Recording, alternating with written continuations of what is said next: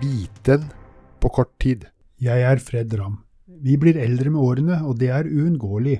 Vi får oftere sykdommer også med årene, men dette er noe som i større grad kan påvirkes.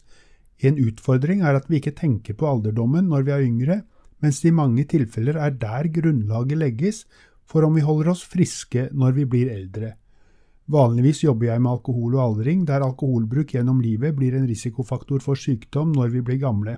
Ved siden av fysisk trening og godt kosthold er alkoholbruk den største modifiserbare faktoren for å motvirke alle former for demens i høy alder.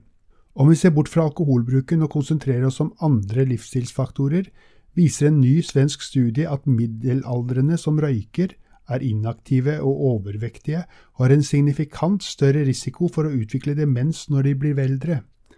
1449 personer ble tatt inn i studien i årene 1972 til 1987 og ble vurdert på demens i 1998. Så ble 744 av de som da ikke hadde utviklet demens, fulgt videre og evaluert fra 2005 til 2008. Ved første gjennomgang hadde 61 personer utviklet demens, fulgt av 47 i den andre gjennomgangen. Ved å koble disse mot faktorer som røyking og fysisk aktivitet tidligere i livet, viser studien en signifikant større risiko for demensutvikling hos dem som da røykte og var inaktive. En mangel ved studien er at forskerne ikke hadde tilgang på data rundt tidligere matvaner. Forebygging starter altså på et tidspunkt der aldring og demens hos de fleste er noe som ligger langt fram i tid.